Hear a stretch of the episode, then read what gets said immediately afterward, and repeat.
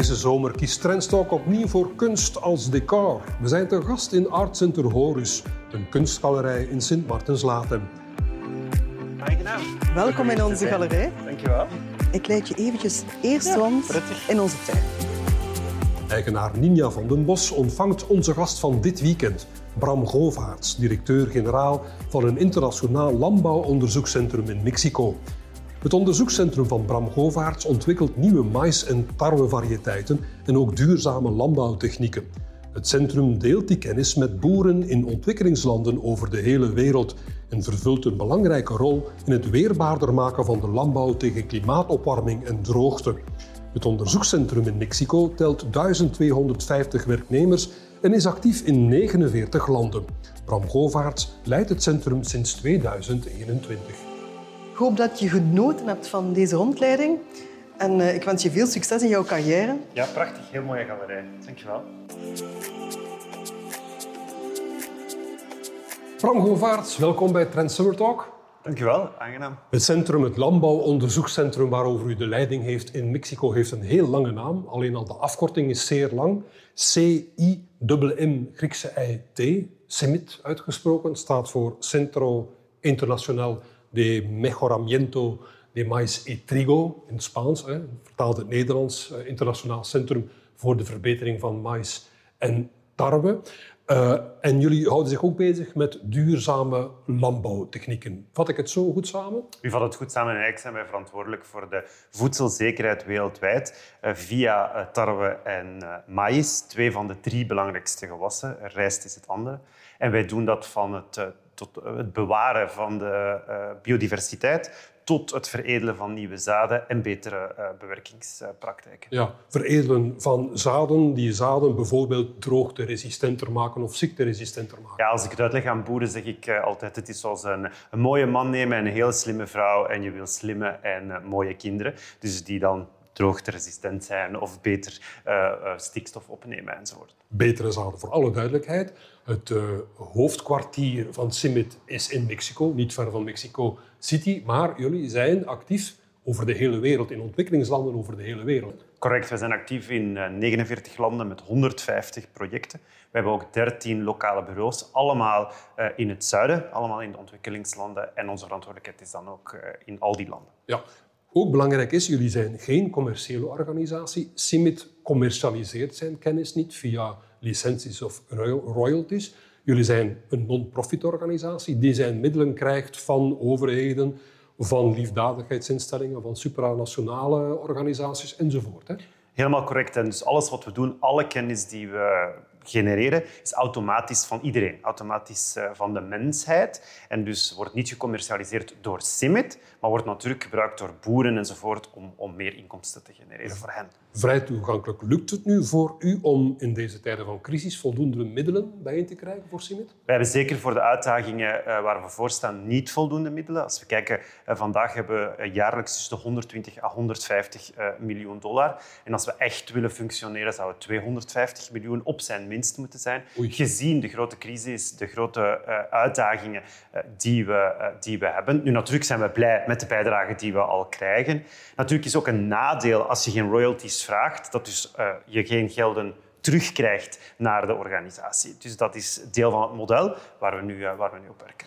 Vreest u niet inderdaad dat u toch op termijn gaat moeten royalties vragen om te kunnen overleven? Op termijn gaan we vooral moeten kijken dat dus inderdaad de waarde die gegenereerd wordt doorheen de voedselketen, dat daar toch een deel terugkomt uh, naar CIMIT. We zien dus bijvoorbeeld dat ook 60% van de tarwe in Amerika uh, komt, uh, is, is, is, een, is het resultaat van het werk van CIMIT. Dus ook daar misschien dat die landen in het noorden, die ook voordelen hebben uit hun investering in, in dit onderzoek, dan toch zouden moeten bijdragen aan CIMIT of grote voedselbedrijven die de, het graan gewoon zijn dat dat komt tot aan de poort van hun productie productieplanten, omdat ze daar dan brood mee maken of, of, of uh, ontbijtgranen, dat die toch een deel van hun winst zouden moeten terug investeren in onderzoek, zodat we kunnen blijven onderzoeken. Lijkt mij fair. Heel kort nog, uh, meneer Govaerts, u hebt bio-ingenieur gestudeerd in Leuven.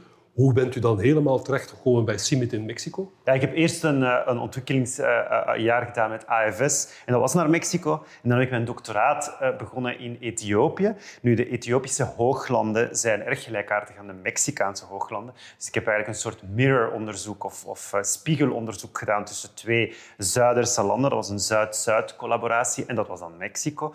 En dan ben ik op vakantie gegaan naar Mexico daarna en CIMIT bezocht en daar blijven plakken en de eer om te mogen doorgroeien van postdoc tot de positie die ik heb vandaag. En dat is directeur van CIMIT. Nu, de vraag waar vele mensen mee zitten, uh, meneer Govaerts, in deze tijden van ja, toenemende klimaatopwarming, langere droogteperiodes, zal de landbouw ons kunnen blijven voeden? Ik ben zeer optimistisch dat de landbouw dat zal kunnen, maar alleen maar als we nu echt eh, alle hens aan dek uh, uh, hebben. Dus inderdaad, de crisis is zeer groot. We hebben de klimaatsverandering, we hebben de populatiegroei, maar daar komt nu bovenop. We komen net uit een pandemie, uit, een, uit, uit de covid-crisis. We hebben nu de crisis, de oorlogen in Oekraïne en Rusland, waar we ook zien dat grote productiegebieden van tarwe worden Geblokkeerd. Geblokkeerd, ja, inderdaad. Uh, en dat is 25% van alle tarwe die wereldwijd verhandeld wordt, uh, wordt daar geproduceerd. Dus we zien dat het systeem zeer zwak is of zeer kwetsbaar is. En dat wordt alleen maar erger. Dus we moeten nu met publieke en private samenwerkingen eh, de, de, nodige dingen doen. Nu, tegelijkertijd is dit de eerste crisis in de geschiedenis van de mensheid waar we zoveel data, zoveel informatie ter beschikking hebben, zoveel innovatie ter beschikking hebben, die we zouden kunnen gebruiken om een antwoord te bieden aan de grote uitdaging. CIMIT dan concreet, hoe helpt, hoe wapent CIMIT de landbouw tegen de droogte bijvoorbeeld? Heb je daarvan concrete voorbeelden, voorbeelden voor ons? Wij, wij gebruiken en wij kijken naar die biodiversiteit die we hebben. 24.000 verschillende maïs, uh, soorten en 140.000 verschillende tarwesoorten. Hoor ik u goed zeggen, 140.000 verschillende tarwesoorten zijn? Klopt. Dus 140.000 verschillende basisstenen die we eigenlijk hebben om nieuwe tarwes te maken. En dat zijn origineel allemaal tarwes. Die worden allemaal bijgehouden in een grote bunker, in een grote ijskast, eh, die eh, dus in Mexico staat. En er zijn een paar kopies. Je hebt misschien ook gehoord van de, van de grote uh, ark die in, in, de, in, de, in het poolijs zit. Dus dat is eigenlijk een kopie voor mais en tarwe van wat wij CIMIT in Mexico bijhouden. Dus met die basisstenen maken wij nieuwe gewassen of nieuwe variëteiten van tarwe die dan droogteresistent zijn of grotere voedselwaardes hebben of beter kunnen mest gebruiken die je geeft, zodat ze meer efficiënt zijn, hogere opbrengsten geven. Nu, de uh, gewassen alleen of de zaden alleen maken niet het verschil als je die niet voldoende water geeft of als die niet voldoende in een goede bodem zitten. Dus we kijken ook naar wat zijn de beste bewerkingsmethodes. Hoe moet een boer eigenlijk dat zaad planten en beheren om daar dan het maximale uit te halen? Er is niet alleen klimaatopwarming en droogte, er is ook de stijgende bevolkingsgroei in de wereld. Correct. Volgens de Verenigde Naties zal tegen 2050 uh, de wereld een kleine 10 miljard mensen uh, tellen. Met hoeveel moet die opbrengst van die mais en die tarwe omhoog om die mensen te kunnen blijven voeden? We moeten eigenlijk de komende 30 jaar jaarlijks de productie omhoog doen met 2,4 procent. Ja. Nu, dat lijkt klein, 2,4 procent, maar dat is gigantisch. Zeker als je ziet dat vandaag we uh, voor mais slechts 1,6 procent omhoog gaan en voor tarwe uh, iets, iets minder dan uh, 1 procent. Dus dat betekent dat we eigenlijk aan het ritme alleen maar 67 procent en 38 procent van wat we nodig hebben aan het doen zijn. En dat is zonder de bijkomende druk van uh, klimaatopwarming, die eigenlijk nog eens verder de opbrengsten naar beneden doet. Ja. Hoor ik u nu zeggen, ik ben pessimistisch of bent u optimistisch? Ik ben uh, uh, optimistisch. Ik denk dat het allemaal kan. Er is groot potentieel, maar we hebben nog nooit iemand te eten gegeven met potentieel. Daar ben ik ook wel de, heel duidelijk over. Er is een heel groot potentieel.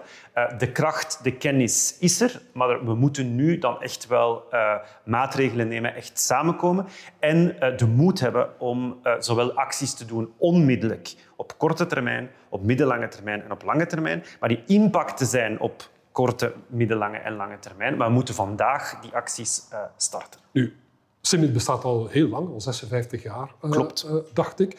Heeft in de jaren 60 mee aan de wieg gestaan van de groene revolutie, die vele mensen van de hongerdood heeft gered.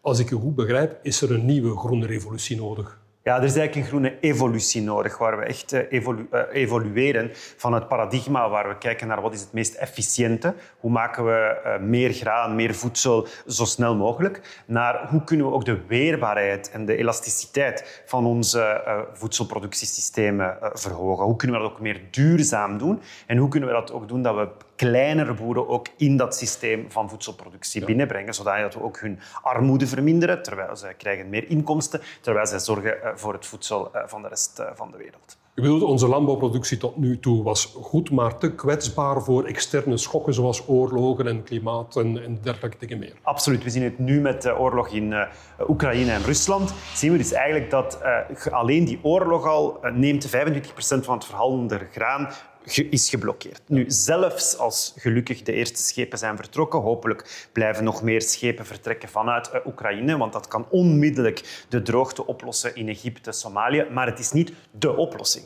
Want het is één element eh, in de, in de schokken. We zien tegelijkertijd een schok in India bijvoorbeeld. Grote uh, temperaturen, hoge temperaturen die de opbrengsten naar beneden aan het halen zijn. Dus die schokken gaan blijven komen. Vandaag is het heel zichtbaar door die oorlog. Maar die schokken kunnen evengoed zijn een droogte, te veel water, ehm, verkeerde variëteiten enzovoort. Dus als we niet nu dat voedselsysteem herdefiniëren, dan gaan we die schokken blijven hebben en gaan we blijven in de problemen komen. Veel werk op de plank, dus u haalde het al even aan. Duurzame landbouw is ook belangrijk. Maar ik vraag me af in hoeverre in de landbouw dan gaat duurzaamheid samen met uh, rendement. Kan duurzame landbouw genoeg rendement opleveren? Duurzame landbouw moet uh, voldoende rendement opleveren, anders is hij ook niet duurzaam. Als we dus niet kunnen uh, de mensen voeden, dan is de functie van de landbouw inherent ja. niet daar. Dus we moeten inderdaad combineren op opbrengsten, maar opbrengst mag niet het enige uh, objectief zijn. Dus je kan je gemakkelijk voorstellen dat je een jaar hele hoge opbrengsten kan doen met volledige extractie van alles wat je hebt, al het water, alle voedingsstoffen, maar dan ga je het volgend jaar uh, veel minder hebben. Dus eigenlijk is de nieuwe filosofie van te zeggen we moeten produceren op een voldoende hoog niveau. Als we op een laag niveau gaan produceren, we kunnen ook niet allemaal terug naar vroeger was het beter, want dan is er gewoon niet voldoende. Dus het moet op voldoende hoog productieniveau, maar op zo'n manier dat we niet de natuurlijke grondstoffen uitputten, dat we de bodem blijven beheren en dat we dus gewapend zijn door die schokken. Uh, het is hier vandaag eh, heel warm. Het uh, gaat niet weg. Tarwe weet daar ook van. Maïs weet daar ook van. Hoe, be hoe, hoe bewapenen die tarwe en maïs om dus eigenlijk tegen die schokken te kunnen? Het doet mij denken aan biolandbouw. Ik laat mij zeggen dat biolandbouw gemiddeld 20% minder opbrengt dan de conventionele um, landbouw. Of zegt u, ja, die minderopbrengst dat is iets weg, want de biolandbouw zal alsmaar verbeteren, productiever worden dankzij de wetenschap? Ja, natuurlijk, die biolandbouw gaat inderdaad verbeteren. Maar het is heel belangrijk dat we eigenlijk kijken naar de uitkomsten en niet naar de processen. We moeten kijken hoe maken we een landbouw die voldoende uh, voedsel produceert dat ook voedingswaarde heeft en tegelijkertijd geen impact heeft op het milieu. En dus de vraag is, hoe doen we dat? We moeten meten wat daaruit komt. En dan kunnen we leren van de biolandbouw, van de traditionele landbouw. En die moeten iets dichter bij elkaar komen. Maar het hangt heel erg af van je context. Bijvoorbeeld België. We hebben te veel mest in België. Dus uiteraard wil je die mest eerst gebruiken voor je ook nog eens chemische mest gebruikt. Ja. Maar in Afrika is eigenlijk te weinig uh, organisch materiaal of bemestend materiaal. Dus daar heb je uh, chemische uh, bemesting nodig om die productie omhoog op een nieuw niveau te ja. krijgen en dan verder te werken. Ja. Dus wat we eigenlijk aan boeren zeggen is, het is een systeem. Je moet kijken naar het systeem en zorgen dat het systeem doet wat je wil dat het doet op basis van de juiste beslissingen met de informatie die je hebt en met de data die je hebt. Hoog tijd om eens naar Mexico te gaan, meneer Govaerts, want daar bent u eigenlijk hiervoor. Het land telt ongeveer 4 miljoen boeren, waarvan 3 miljoen kleine boeren met minder dan 2 hectare. Simit helpt 300.000 van die kleine Mexicaanse boeren via het zogenaamde Maas Agro-project. Wat doet dat project dan concreet?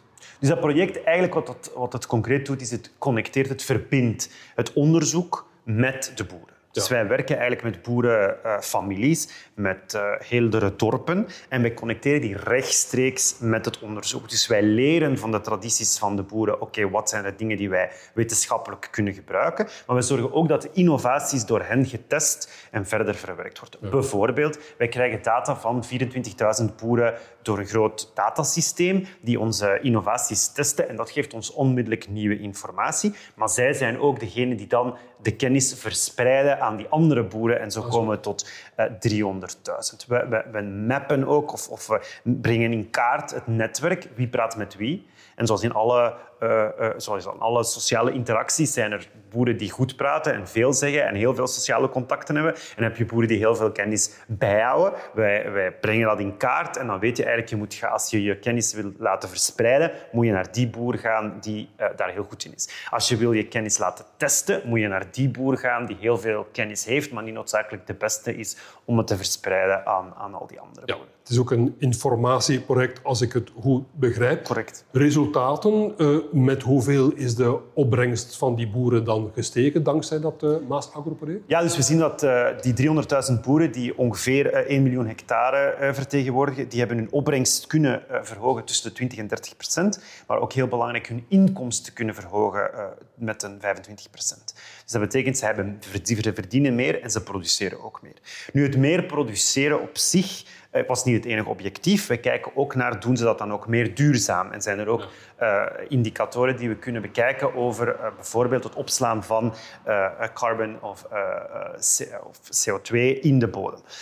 en natuurlijk, als je meer produceert, moet je ook zorgen dat het naar de markt kan gaan. Want als het niet naar de markt gaat, krijgt de boer niet noodzakelijk meer inkomsten. Dus we verhogen eerst het voedsel voor de familie. En dan zorgen we ook dat boeren kunnen eigenlijk wat ze meer produceren naar de markt brengen, zodat ze eh, extra inkomsten kunnen behalen. En dat lukt? Dat lukt, dat is een grote uitdaging. Maar vandaag werken we bijvoorbeeld met grote bedrijven zoals Nestlé, eh, Kellogg's, Bimbo en andere, eh, die dus eigenlijk traditioneel hun graan kopen van de Verenigde Staten. Is een beetje bestellen een schip met graan tot dat, tot aan hun uh, fabriek komt. Wat doen die nu? Die kopen nu van die kleine boeren. Maar het kopen van kleine boeren is duurder, want je moet die organiseren. Dat zijn uh, meer verschillende productieeenheden. Dus wij hebben gezien dat we moeten zorgen dat daar een extra waarde komt aan dat graan.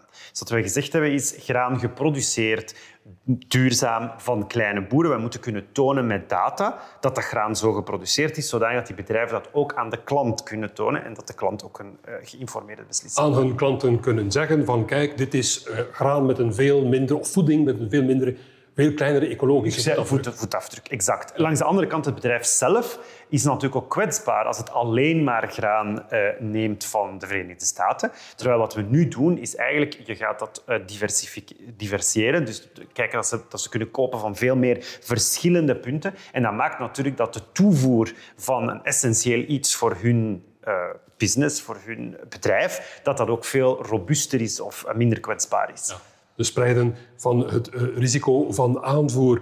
Uh, dus uh, u, u, u, u, zei het al, het is dus werkelijk zo dat voor zo'n groot graanverwerkend bedrijf in Mexico het goedkoper is en ten tweede ook waarschijnlijk wel praktischer om in plaats van bij de kleine boeren in Mexico graan te kopen, gewoon een vrachtschip met graan te laten komen uit Noord-Amerika. Klopt. Maar dat is natuurlijk onder dat, onder dat denken van efficiëntie. Hè? Hoe efficiënt is heel efficiënt om een computersysteem. Je klikt. En eigenlijk voor hen is dat, dat klinkt een beetje, uh, maar voor hen is hetzelfde een pen kopen dan een schip graan kopen. Dat is allemaal georganiseerd. Dat kunnen ze allemaal heel, heel, heel makkelijk doen. Ja. Maar natuurlijk, als je kijkt naar uh, de, de veerkracht, als je kijkt naar hoe laat ik mijn bedrijf voorraad zeker zijn, ja. dan is het veel handiger natuurlijk. En dan krijg je een andere prijsconnotatie. Ja. Zelfs als het misschien duurder is, is het eigenlijk op het einde van de rit goedkoper. Ja, dus een beetje, is het onmiddellijk duurder of is het in de toekomst uh, duurder? Want uw bevoorradingsonzekerheid als bedrijf is veel kleiner. Is dat wat u... Correct. Ja. Correct. Dus ook dat eigenlijk is een effect van het Maas Agro-project. Het is een effect van het Maas Agro-project zelfs dat we in kaart hebben kunnen brengen. Dus we hebben ook uh, gewerkt met uh, uh, verzekeringen, want die kijken naar risico's. Ja. En natuurlijk, als je een groot risico hebt, moet je meer verzekering betalen dan als je een kleiner risico hebt. Ja, die zijn heel goed in het kijken naar risico's in plaats van onmiddellijke efficiëntie. Dus we hebben samengewerkt met Lloyds of London bijvoorbeeld. Dat is een grote herverzekeraar. En die zeiden, ja, voedselzekerheid, dat is voor ons geen, was geen gekend risico. En dus we hebben samengewerkt om dat in de kaart te brengen, uh, zodat dat wel een gekend risico is. En dus uh, inderdaad met bedrijven dan ook daarop ge, gewerkt kan worden. Ja, interessant eigenlijk hoe een landbouwproject vertakkingen heeft naar heel andere sectoren dan.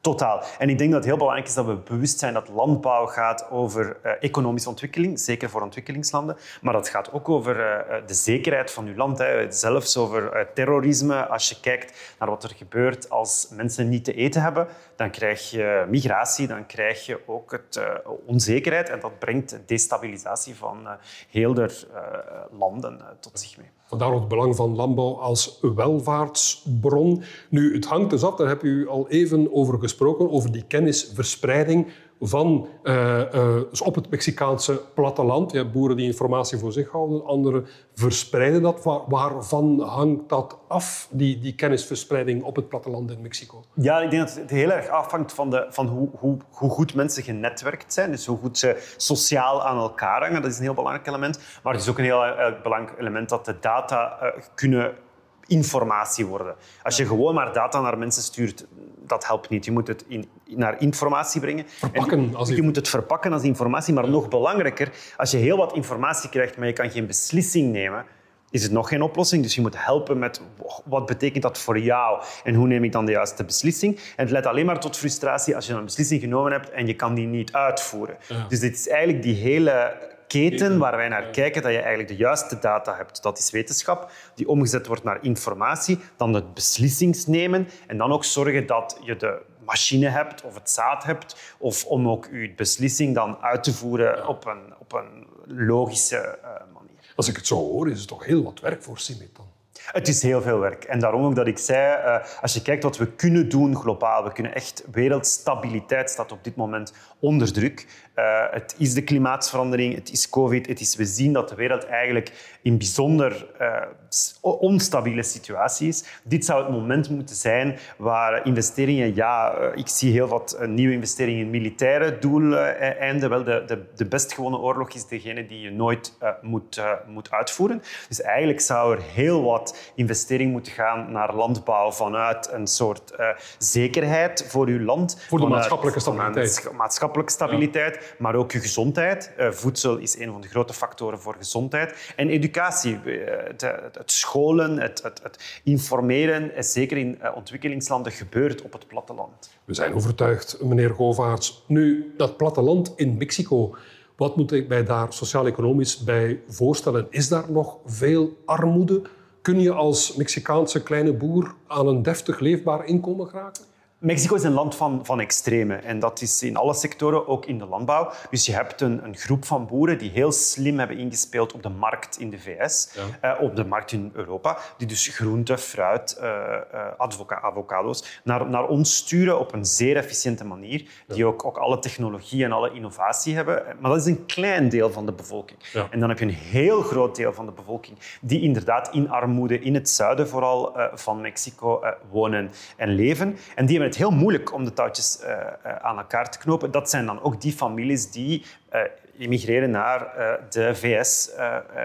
en, maar zijn ook degenen die zouden kunnen meer graan produceren. Want als je kijkt naar die boeren die, die al heel veel produceren, die hun kans om productie te verhogen is heel klein. Ja. Terwijl als je kijkt naar die boeren, die vele boeren in het zuiden van Mexico, die nu in armoede leven, die hebben water, die hebben grond, die hebben uh, mankracht. Dus dat is eigenlijk waar het grote, grote potentieel zit. Ja, daar zit het grote. Nu, is er dan in Mexico, zoals in vele gelijkaardige landen, een exodus van het platteland naar de steden die dan overbevolkt raken? Ja, dus, dus je, je kan inderdaad zien dat steden trekken uh, trekken aan. Maar dat is natuurlijk omdat er geen alternatief is in het, in het, in het platteland. Dus wat wij eh, zien is dat je eigenlijk de, jeugd en jonge, uh, waarschijnlijk meer geschoolde krachten in Mexico kan interesseren door juist die data-informatiesystemen. Want dat maakt eigenlijk de landbouw een beetje aantrekkelijker. Het, het, het, is niet meer de landbouw van, van hun vader of grootvader, waar het allemaal betekende ja, een beetje lijden en een beetje pijn hebben. En, en het, was, het is moeilijk, maar het wordt een landbouw die modern is, die met, innovatie, die gaat over leren, die gaat over beslissingen nemen, die gaat over het gebruik van een gsm enzovoort. Dus dat is ook een beetje de, de, de, de verandering die we proberen te doen, is een nieuwe generatie. En ook vooral, we zien een generatie van vrouwen opstaan, van jonge, jonge vrouwen opstaan, die zeggen, oké, we kunnen hier eigenlijk de landbouw beginnen bekijken als als een, als een, als een bedrijf. Ja. Maar niet als een bedrijf van één persoon, maar als een bedrijf van het hele dorp, als we dat op de juiste manier uh, organiseren. Interessant. Nu, door die droogtes, door die voedselonzekerheid, wordt er eigenlijk naar de boer met andere ogen uh, gekeken. Ik heb de indruk dat de boer aan maatschappelijk belang wint. Is dat ook zo in Mexico? Krijgt de Mexicaanse boer meer politieke belangstelling? Ja, ik denk dat we wereldwijd zien dat de, dat de boeren sorry, uh, meer, uh, meer belangstelling krijgen. Ik denk dat we beseffen dat we drie keer per dag eten en dat is dankzij de boer. Maar ik denk dat we ook heel snel dat dan weer vergeten. Dus je ziet heel vaak een crisis, zoals degene die nu is. En iedereen denkt van, oh, uh, dit, is, dit is niet leuk om naar de supermarkt te gaan en ik vind niet wat ik, wat ik, wat ik wil. Maar we vergeten het ook heel snel. Ja. er was in 2008, 2010 een grote voedselcrisis. Heel wat, er zijn heel wat acties toen uh, uitgezet en die nu niet opgevolgd zijn. Dus wat ik eigenlijk zie, is wat we zeker moeten doen, is zeggen, oké, okay, er is verhoogde uh, aandacht, nu moeten we het ook echt wel gaan doen. Ja. Uh, en niet alleen maar de plannen maken en dan, kunnen die, die, en dan gaat de crisis voorbij en dan wachten we tot twee jaar, er is opnieuw een crisis en zo sukkelen we van crisis tot crisis.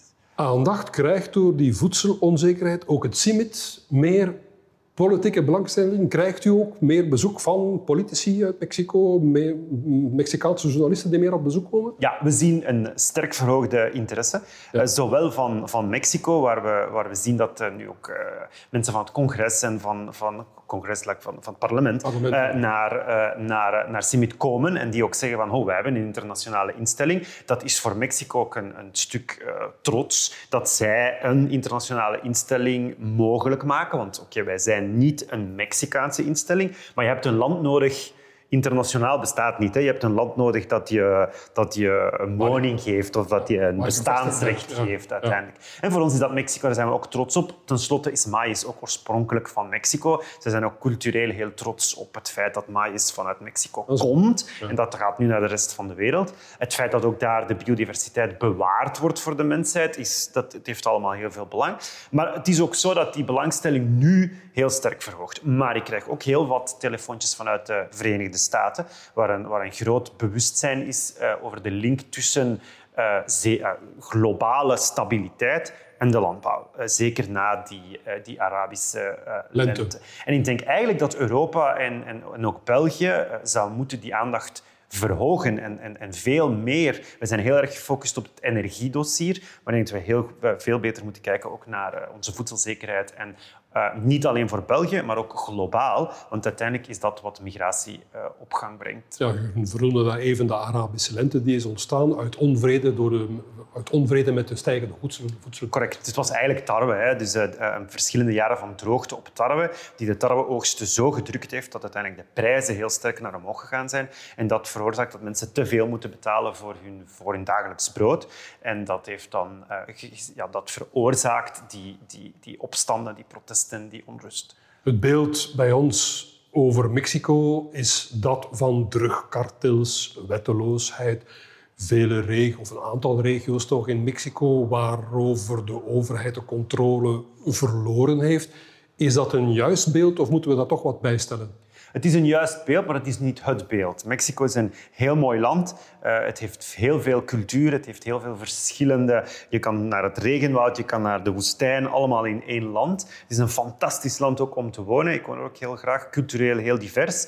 Maar het is inderdaad een land dat uh, heel grote uitdagingen heeft. En in die zin is het ook voor mij een land dat een voorbeeld is. Het is een van die landen die aan het opkomen was, die aan het ontwikkelen was. En waar we nu moeten zeker van zijn dat die ontwikkeling ook verder gaat, in plaats van de bevolking meer en meer uit elkaar te drijven in zij die hebben en zij die niet hebben. En als je dat doet, krijg je al die fenomenen van onrust, wetteloosheid en natuurlijk drugs en drugskartels zijn inderdaad een uh, groot sociaal uh, probleem. En bent u optimistisch over Mexico? Wordt het ooit een welvarend land? Het kan en het heeft alle potentieel om een, een welvarend land uh, te worden. Wij werken ook in zones uh, waar, waar de drugskartels opereren. Als je met boeren praat, uh, zeggen, alle boeren zeggen ik hoop dat mijn, dat mijn zoon niet moet deelnemen aan dat soort activiteiten en eigenlijk zijn brood kan verdienen door landbouw te doen of door in een economische activiteit te zitten. Dus mensen doen dat soort dingen uit noodzaak. Dus ik denk dat we grote beslissingen moeten nemen om inderdaad landen zoals Mexico, maar ook andere Latijns-Amerikaanse landen en Afrikaanse landen, om echt die ontwikkeling uh, te laten doorgroeien. En de landbouw en investering in landbouw, het is bewezen dat het een van de sectoren is die ook heel inclusief is, die ook uh, veel mensen kan opnemen en die dus inderdaad ook uh, daarom een motor van ontwikkeling kan zijn. Werk verschaft aan heel wat mensen. Tot slot, meneer Govaert, u woont al heel lang in Mexico, 15 jaar, dacht ik. Komt u nog vaak naar België? Ik, uh, ik kom uh, één keer per jaar langer, dat betekent twee weken. En dan af en toe, zoals één of twee dagen, als ik op doorreis ben naar Afrika of naar uh, Zuid-Azië. Maar het is altijd fijn om terug te komen. Over België gesproken, meneer Govaerts. Elk van onze interviewgasten geven we dit boek mee als geschenk. Bestemming, bestemming België. Er werk over de toeristische geschiedenis van België, uitgegeven door Erzberg. Mooi, Blijkbaar is België ooit nog een toeristische topbestemming geweest. Stel nu dat een medewerker van u zegt, ik ga op vakantie naar België. Zegt u dan, uh, er zijn betere en mooiere plekken in Europa? Of zegt u, ga toch maar naar België? Ik zou zeker zeggen, ga toch maar naar België. En wat zijn uw favoriete plekken dan? Uh, ik zou hen aanraden om naar Leuven te gaan. Ik denk Leuven heel, heel mooi is, het stadscentrum. Uh, historische gebouwen, maar ook buiten uh, het stad, dat stadscentrum, het Arnbergkasteel of het, het, park, de abdij van het park, zijn, zijn mooie bestemmingen. En als je dan toch in Leuven bent, is het ook heel makkelijk om de trein te nemen, minder dan 20 minuutjes, op naar Brussel. Je komt aan in het centrum van Brussel, ook een geweldige plek om te bezoeken. Ja, dat is inderdaad waar. We mogen Brussel als een toffe plek zeker niet vergeten. Meneer Govaerts, bedankt voor uw komst helemaal naar België, helemaal uh, naar sint Maarten-Zatem. En mag ik nog heel veel succes wensen met Simit. Dankjewel, het was een genoegen en uh, ik hoop dat we kunnen blijven praten over het belang van investeren in landbouw om samen de wereld te veranderen. Dat zullen we doen. Dankjewel. Zo, dit is het einde van deze Trends Summer Talk. Volgende week komen we heel wat dichter bij België, want dan praat ik met Wilfried Verstraeten. Hij is voorzitter van de raad van bestuur van Allianz Trade dat is een kredietverzekeraar met hoofdkantoor in Parijs. Met Wilfried Verstraeten spreek ik over de wereldhandel en uiteraard ook over Frankrijk. Graag tot dan.